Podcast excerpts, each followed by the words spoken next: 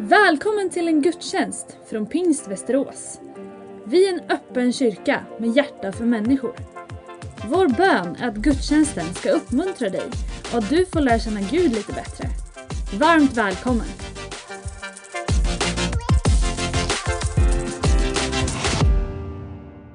Vi står upp när vi hör Guds ord och det kommer ifrån Lukas evangeliet idag. 22 kapitlet, verserna 7 till 13 och i den här serien på väg till påsken, på väg till Jerusalem och Golgata. Lukas 22 från vers 7 i tro på Guds ord i Jesu namn. Så kom den dag i det osyrade brödets högtid när påskalammen skulle slaktas. Då sände Jesus iväg Petrus och Johannes och sa Gå och gör i ordning så att vi kan äta påskalammet. De frågade honom, var vill du att vi ska reda till det? Han svarade dem, när ni kommer in i staden ska en man möta er. Han bär en vattenkruka. Följ honom till det hus där han går in och säg till husets ägare, Mästaren frågar dig, var finns det rum där jag kan äta påskalammet med mina lärjungar?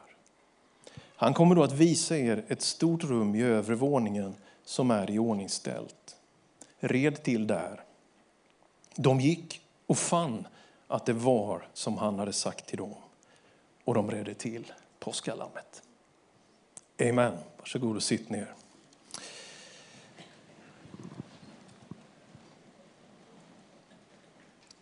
Judarna firade påsken långt före att det fanns en kristen påsk. I Exodus, Andra Mosebok 12, kan vi läsa om hur Herren gav en instruktion hur en måltid skulle ätas som stående, som på väg. Och det var tid för att lämna fångenskapen och bege sig ut på vandringen hem igen, på vandringen till löfteslandet. Det finns en tydlig beskrivning hur det här skulle gå till och judarna de levde upp till den också i fortsättningen. Att den tionde nisan så skulle man hitta ett felfritt lamm som man skulle vårda och värna i fyra dagar.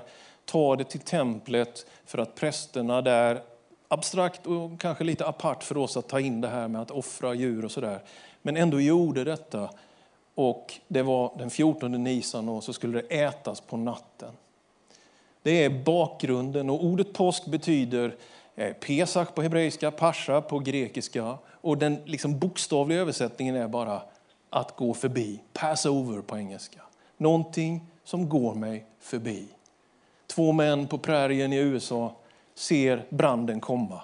Den ene har sinnesnärvaro och bränner av ett fält där de är. Och så lägger de sig i mitten, kurar ihop sig för att branden skulle gå dem förbi. De var räddade av att någon hade varit där före dem. Döden gick förbi. Det är innebörden av ordet påsk. Jesus har nu då vandrat tre år på den offentliga arenan. Han har botat sjuka, han har hållit sina predikningar, han har mött människor. Och så är det den här messianska hemligheten, kallas den på teologiska. Detta att han inte riktigt vill att lärjungarna ska berätta allt som händer, alla under. Han vill inte att det ska komma ut för tidigt vem han är. Men han är bestämd, han är distinkt, han är på väg emot någonting. Dag Hammarskjöld skriver att korset är rest redan i Betlehem. Redan när han föds så är det ju liksom inställt på mänsklighetens upprättelse och försoning. Radarn, fokus, den centrerade laserstrålen, Jesu inriktning är att etablera frälsning för hela mänskligheten. Och vi tar del av en, bara en liten del av den vägen när det här ska bli en verklighet i alla världar. När dödens krafter ska betvingas. Att han med sin död besegrar döden. När syndens gift inte längre ska ha någon verkan. När det ska finnas ett hopp om ett liv för alltid, en ny dag, en ny morgon. Som fåglarna kvittrar där i trädgården och de letar Maria och Johannes och Petrus. Var är han? Och änglarna säger han har gått före er, han är inte här, han har uppstått. Det är det som ligger framför och så tittar vi in i vägen upp till detta. Det här är i Nisan då, det här är i det judiska påskfirandet och det tillhör deras sed att man ska äta påskalammet. Man skulle grilla det tror jag och man skulle laga till någon slags bröd till detta. Det osyrade brödets högtid kommer av att man liksom hade en degklump som man alltid sparade och stoppade in i nästa deg för att den skulle hjälpa till att jäsa. Och redan nu, en del av er som känner mig efter 15 år, att när Daniel Alm ger så här matlagningstips och liknande ska man inte ta dem allt för professionellt menat, man ska säga, utan jag bara har läst mig till detta. Men vid den osyrade högtiden här som är inledningen till påsken så skulle man alltså inte ha det här då, utan det, skulle vara, det blev mer som ett tunnbröd man skulle äta. Det var lite mer fast food. Liksom. Jag ska inte säga att det var McDonalds, Burger King och liknande, utan det var mer liksom att man skulle kunna ha det på vandring med sig. För, för man åt måltiden och sen lämnade man Egypten. Så därför heter det det osyrade brödets högtid. Och då sände Jesus iväg Petrus och Johannes. Nästan alltid i evangelierna när det dyker upp några ur de tolv.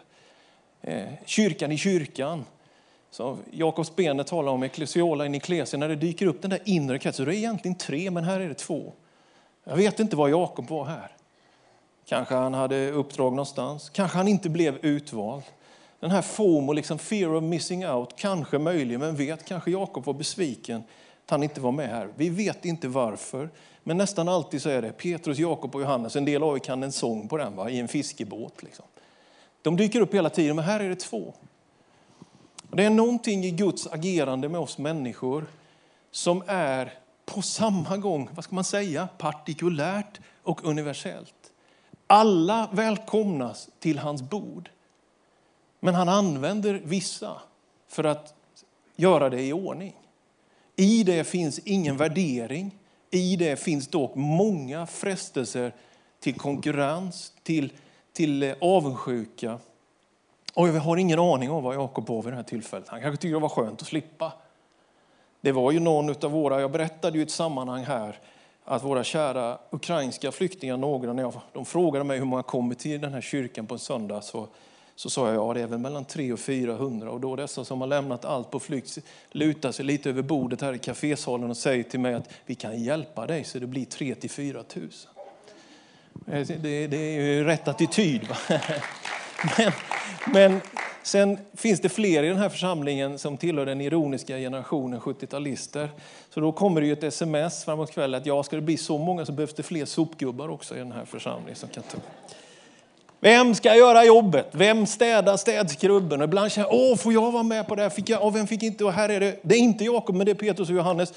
Och det är lite så tror jag, för att en församling ska må bra och leva så, så behöver vi ha en generositet i detta. Alla är välkomna. Vi har dock olika talanger, kallelser, gåvor. Och en församling fungerar som bäst när vi befriar varandra i detta. När vi på något sätt bekämpar vår FOMO liksom, och att vi inser och förstår att det finns någonting unikt. Emelie har något som jag inte har, Albin har något som jag inte har, du har någonting som jag inte har. Möjligen har jag också någonting att bidra med. Och helheten av det är så vackert. Det samlas en gemenskap som ska äta tillsammans. Gå och gör i ordning så att vi kan äta påskalammet. De frågar honom, var vill du att vi ska reda till det? Och så kommer den här annorlunda berättelsen ändå. När ni kommer in i staden ska en man möta er, han bär en vattenkruka. Det tillhör kanske inte den här tiden och Mellanöstern att män sådär väldigt ofta bar vatten i krukor. Det tillhörde på något sätt kvinnans uppgift och roll. Så det här är en särling, det här är någonting annorlunda. En del menar att det här är nog en essä det fanns ju en grupp som kanske Johannes döparen hade ganska mycket med att göra. Och I slutet på 40-talet, 1940-talet, hittade man i deras gamla place liksom nere vid Döda havet i Qumran det som kallas Döda havsrullarna, bland annat hela Jesaja bok, mycket från Gamla testamentet. Och det var från esséerna och man hittade de här bibelrullarna i krukor just. Så det är mycket möjligt att det var en essé i Jerusalem. En man som bar en vattenkruka som skilde ur sig från mängden. Och det skulle nog inte vara så svårt för Petrus och Johannes att se honom där. Så de får instruktionen av Jesus, leta efter mannen som bär en vattenkruka. Och nu ger jag varudeklarationen, nu ska jag börja vara pingstpastor här. Därför att det här, i vår värld och vårt sätt att läsa Bibeln, så är mannen med krukan som en bild, en fantastisk illustration på den helige Andes uppgift, närvaro och roll. Att ge någonting vi kan leva av, en kruka med vatten. Att leda oss till en plats där vi behöver få komma och vara det som heter den övre salen. Idag är mitt ärende till dig att följa Jesus och ta hjälp av mannen med krukan. Den helige ande bor i dig. Han vill det bästa i ditt liv. Han vill leda dig. Han vet att du är törstig. Han vet dina behov. Och han ger en instruktion här till Petrus och Johannes vart de ska följa. Och det är så intressant att när lärjungarna frågar Jesus var vill du att vi ska reda till? Var någonstans ska vi vara? Liksom, de får den här praktiska, förståeliga frågan. Liksom. Hur fixar vi krubbet? Var ska vi äta? Liksom, hur, hur ska det här gå till Jesus? Var? Och han säger vem. Det är så många gånger vi ställer alla hur och när och varför, men svaret är vem. Det är så många gånger vi vill ha liksom en ny bil och han ger dig helig ande. Det är så många gånger vi, åh, åh, och så fyller han dig. Och jag har massa var och när och hur och varför frågor. Men jag tror till mig och till dig är det ändå en uppmuntrande hälsning att han placerar en man med en kruka framför dig i stadens myller. Så i allt som larmar och drar åt höger och vänster och allt vi är övergödda av, någon slags overload av information, så går det en man genom stan med en kruka med levande vatten som du kan ta följe på. Det är en eld som brinner, det är ett vatten som flödar, det är en vind som blåser, det är en närvaro, någonting som är rent, någonting som är helgat, någonting som leder dig och mig på rätta vägar. Han har gett en hjälpare, en man med en kruka som vi får följa och dricka av det han har att ge till oss. Följ honom till det hus där han går in. Och då kommer han att visa er ett stort rum i övervåningen. Jag vet, det här, den här texten det är rena paradiset för en pingstpastor. Här. Mannen med krukan och den övre salen. Ni fattar ju vart det här tar vägen. Det fanns ett rum som hela tiden, det verkar som att de återkommer till de här lärjungarna. Det dyker upp här, dyker upp på pingstdagen. Kanske är det det som dyker upp i Apostlagärningarna 12 när Rode, du vet, är kyrkvärd och de ber till Gud bakom låsta dörrar att Petrus ska bli befriad från fängelset. Han står utanför och roder öppnar så går hon in och berättar Petrus är här och de som har bett så ivrigt att han skulle komma dit, om hon skrattar åt henne och säger, är du galen? säger de. Jag vet inte hur det är med pinkyrkan i Västerås, men det verkar vara så ibland med oss att vi har lättare att be till Gud än att tro att han ska svara på det. Jag vet inte hur det är med dig. Men, men det var flera tillfällen när det dyker upp ett rum, liksom, en övre sal och det här är ett av de tillfällena. Pingstdagen är de 120 samlade, män och kvinnor och eld från himmelen, dån, tungor och de går ut på Jerusalems gator. Men den här kvällen, påskkvällen, är det något annat. Det här är en kväll där löften ska brytas. Det här är en kväll när förräderi på något sätt blir uppenbart. Det här är en kväll när man börjar fightas om vem som får ligga liksom till bords på vilket sätt och närmast och så vidare. Det är på något sätt det djupt bristfälliga och mycket mänskliga i församlingen, i lärjungagruppen som också här ska liksom få sitt drama.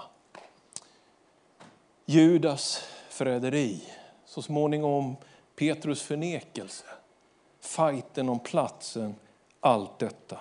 Det är det vi är på väg emot när vi läser den här texten. Men det finns en övre sal. Dit leder oss mannen med krukan. Den platsen innebär inte frånvaro av svek, av mänsklig korruption, av syndafall. Men den platsen innebär en möjlighet till upprättelse.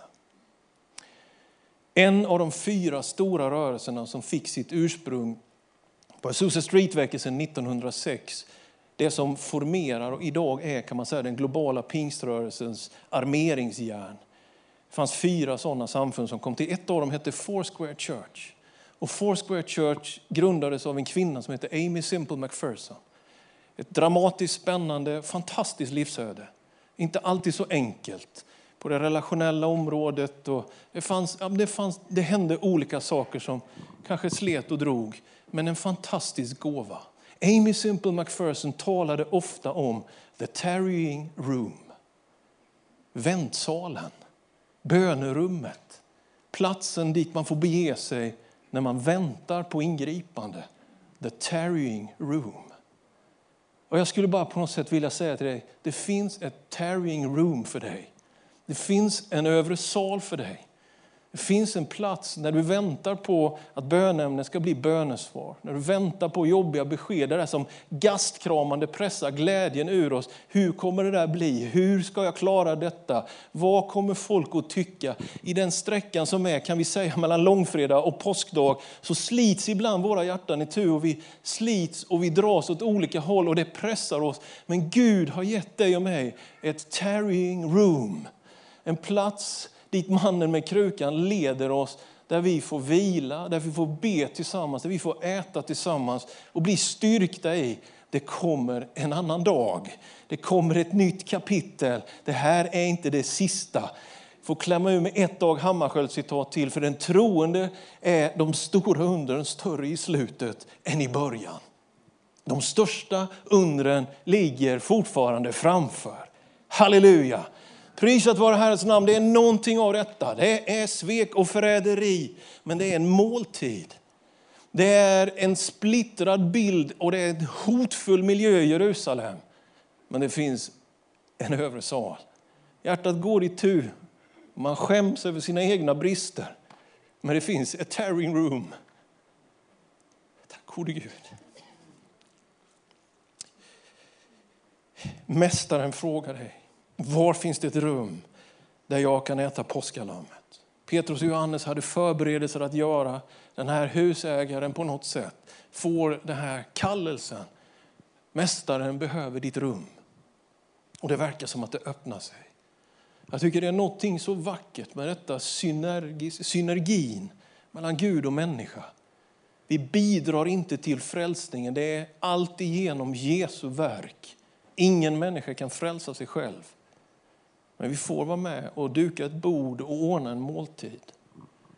Någon skördar en druva, någon odlar ett vete, någon brygger ett vin och någon bakar ett bröd.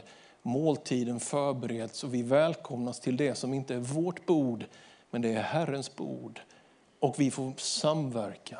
Jag tror att det finns Petrus och Johannes människor här som ska göra de tjänsterna för våra ukrainska flyktingar, som ska göra det för människor som inte orkar komma eh, till kyrkan just nu, som ska göra det för människor som är genuint ointresserade av evangelium och kyrka, som ändå på något sätt gör i ordning ett rum. Som ändå på något sätt förbereder, som ändå på något sätt bjuder, som ändå på något sätt öppnar den här. Och vi får samverka och vi får bidra till den miljö där Jesus själv bjuder in mänskligheten till en måltid. Det är så fascinerande med Gudsriket att det, dess primära strategi är inte Kurt Nicolin, gamla ASEA-chefens kunskap, kontakter och kapital. Utan det är bröd och vin. Att ligga till bords, tvätta varandras fötter och äta tillsammans. Amy Simple McPherson återkom både i förkunnelse och såklart i sin praxis till the tarrying room. Många gånger i den här kyrkan har jag berättat om en erfarenhet vid en busshållplats i Tenhult. Här kommer den igen. Du kan ta upp telefonen om du har hört den tio gånger förut. Nej, men jag var ju där. Va? Så skulle jag åka buss en grå novemberkväll. Det var före, jag är ju så gammal så jag har inte alltid haft en smartphone uppkopplad. Jag hade inte det då. Jag var väl 19 år kanske. Står och väntar där, kommer till den här pinnen, busshållplatsen och någon har behagat ta ner själva tidtabellen och spraya graffiti istället. Jag kan ju personligen uppskatta graffiti men det säger inte så mycket om när bussarna ska gå. Så att jag tittar på den här graffitin jag har i bakhuvudet, det ska väl komma en buss, jag ställer mig där. Så det är jag och pinnen där kan man säga. Och det strilar ner så där grått. Va? Så minuterna känns ju väldigt långa. Och, och man, liksom rösen säger vi i Småland, jag vet inte om det kommunicerar här. Men i alla fall, jag var rösen. Uh, och det är sådär man väntar, det kommer ju ingen buss. Minuterna känns som ju evigheten, ungefär som en del tycker av längden av mina predikningar. I alla fall så står jag där, det kommer ju ingen buss. Va? Och jag börjar, som ni förstår, tvivla på detta. Kommer det komma någon buss? Va? Jag är i det här väntläget. Liksom.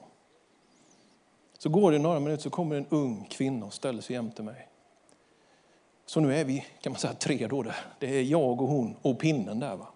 Och han säger fortfarande ingenting. Jag säger ingenting, hon säger absolut ingenting. Alla tittar åt samma håll över gatan dessutom. Så det är, det är en uppställning, en installation här av tystnad, treenighet på något sätt. Ingen säger någonting. Ändå vet jag ju där, ni fattar ju vart det här är på väg. När hon ställde sig där, då visste jag ju det kommer komma en buss. Liksom. Jag var helt övertygad, det kommer en buss. Det var självklart. På grund av hennes närvaro. Rummet av helig ande, övre salen. Men det är också rummet där du behövs. Det är inte väggarna som är det unika, det vet vi. Det är folket. Det är församlingen. Styrkan i kyrkan det är liksom helheten av att vi är tillsammans, vi ber. Och i det händer ibland tyvärr både svek och förräderi, men det är ändå Guds församling. Och det är the tarrying room. Och det är platsen för eld ifrån himlen. Det är den övre salen. Det är missionssändandets epicentrum. Ingen tystnad mer, ingen försagdhet mer. Driv i steget och ord att säga till en hel värld. Inte för att bevisa sig, inte för att lyckas, inte för att branda, utan för att man var älskad och uppfylld av den helige Ande. Man följde mannen med krukan till platsen där ens egen helande kunde ske och där man fick bli smord och välsignad och få äta och dricka och bli sänd till den här världen. Halleluja. Var finns det rum? Jag kan bara säga värdera gudstjänsten, prioritera den. Värdera den lilla gruppen, tillväxtgruppen. Värdera sms, Whatsapp-gruppen ni har. Värdera hederskapet i församlingen, för det, det är the tearing room på något sätt. Om Amy Simple McPherson, en av 1900-talets mest framgångsrika predikanter, återvänder dit, kanske vi är fler i det här rummet som behöver återvända till den platsen till det rummet. De gick och de fann att det var som han hade sagt till dem. Det håller att lita på Jesu ord. Det var som det var sagt. Mannen kom där, rummet fanns där och de kunde ställa i ordning. Någonting att vara tacksam för, någonting att på något sätt leva i. För många år sedan nu var jag i en församling i Norrbotten och predikade. Och de hade en annan föreståndare på den tiden. Jag hade varit en helg, jag tror det var lördag, söndag. Och sen när jag hade predikat på söndagsgudstjänsten skulle jag få en tackgåva. Då fick jag torkat renkött. Och pastorn där han instruerade mig, eh, det var ju folk i kyrkan där, så det här skulle man skära och då skulle man ju ta i kaffet på olika sätt. Så kokkaffe skulle det vara och så det här renköttet. Och det var ju verkligen en delikatess. Så jag tog emot den här talargåvan, eller tackgåvan såklart. Och sen när mötet var slut så kommer en man med älgkliv, nej renkliv får jag väl säga då. Han kommer gången fram för fullt. Och han har sikte på mig. Och så säger han till mig, du ska veta en sak, sa han. det där köttet det är dyrt. Sa han till mig. Du ska veta det, det är dyrt. Är det. Jag kan inte förstå det, men tydligen hade mitt kroppsspråk röjt någon form av, jag vet inte, otacksamhet. Jag vet inte. Jag tror, jag lever ju i tron att det inte märks på mig vad jag tycker. Du ska veta en sak, det är dyrt det där köttet.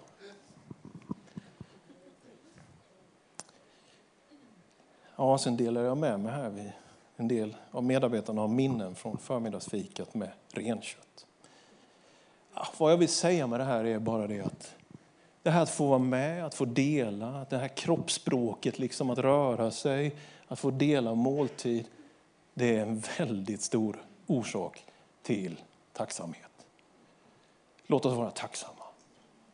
Till Gud, till varandra, till hans nåd. För jag tror att det brinner en eldhärd och fördriver kylan i tiden. Jag tror att det dukas ett bord. Och jag tror att vi växer när vi får vara med och göra i ordning den måltiden. Och jag tror att han bjuder oss att komma. Och på den platsen finns det läkedom, men det finns kraft också passion och driv och längtan att få göra något med sitt liv. Hitta något att liksom gå med. Det hände där, i övre salen. Där försoning är i centrum, men där värmen sänder till en hel värld. Lovat vare Herren. Halleluja. Ska vi stå upp tillsammans? Herren är här. Jesus är här. Fader i himmelen, vi tackar dig i Jesu namn att vi får vara tillsammans inför dig, Herre. Tack att du är en så god Gud, att du ser att vi, Herre, längtar efter tillhörighet. Vi vill få en plats vid det bordet, Herre, och du erbjuder den till oss alla. Herre, du är stor, men du är också nära. Jag tackar dig för att du kan upprätta människor här idag. Att man får känna med självklarhet på grund av din nåd att man är välkommen till ditt hus, välkommen till din gemenskap. Att våra synder är oss förlåtna. De är många och de är svåra och de tyvärr repeterar sig. Men de är förlåtna.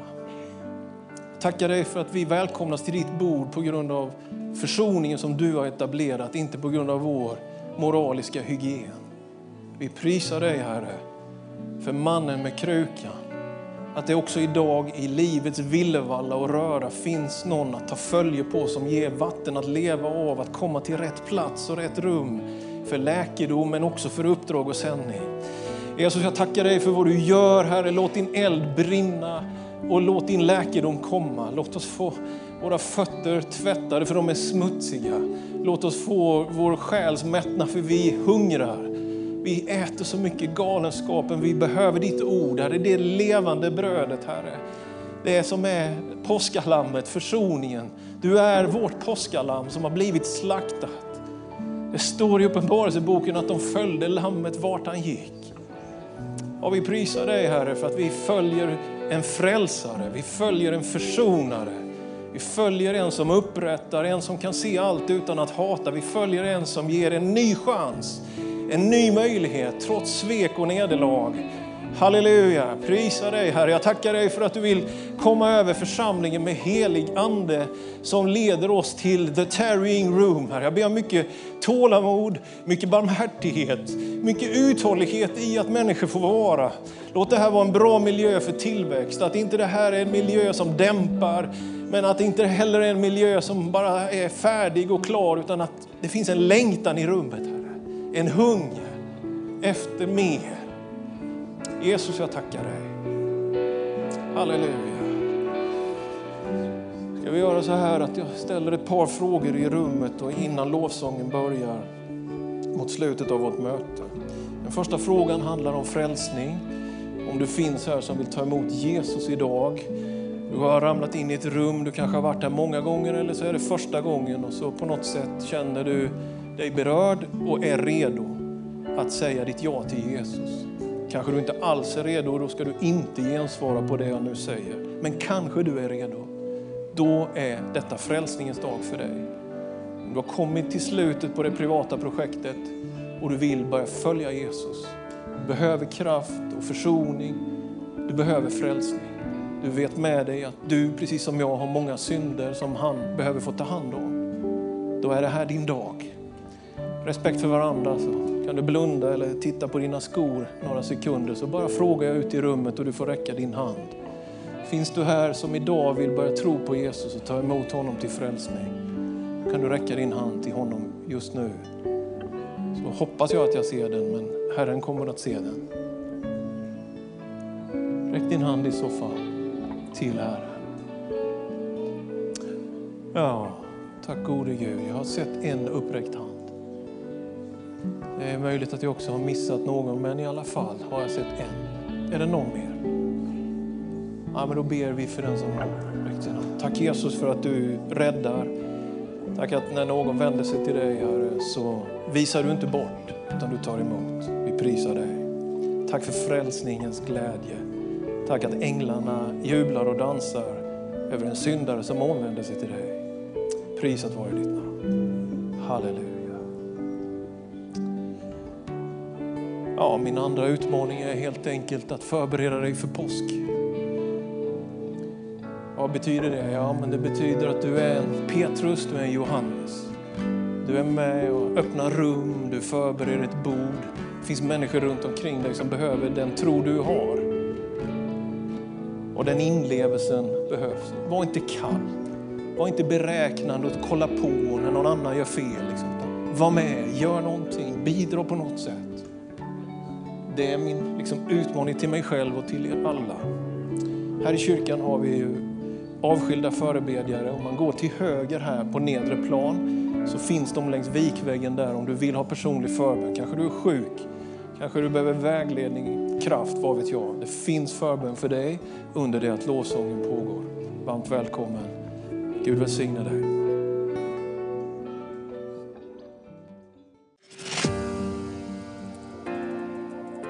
Du har lyssnat på en gudstjänst från Pingst Västerås. Har du frågor om församlingen eller vill veta mer om kristen tro kan du gå in på vår hemsida vasteras.pingst.se Varje söndag firar vi gudstjänst tillsammans klockan 10.30. Välkommen att vara med via webben. Sök efter vår Youtube-kanal Pingst Västerås så hittar du livesändningen.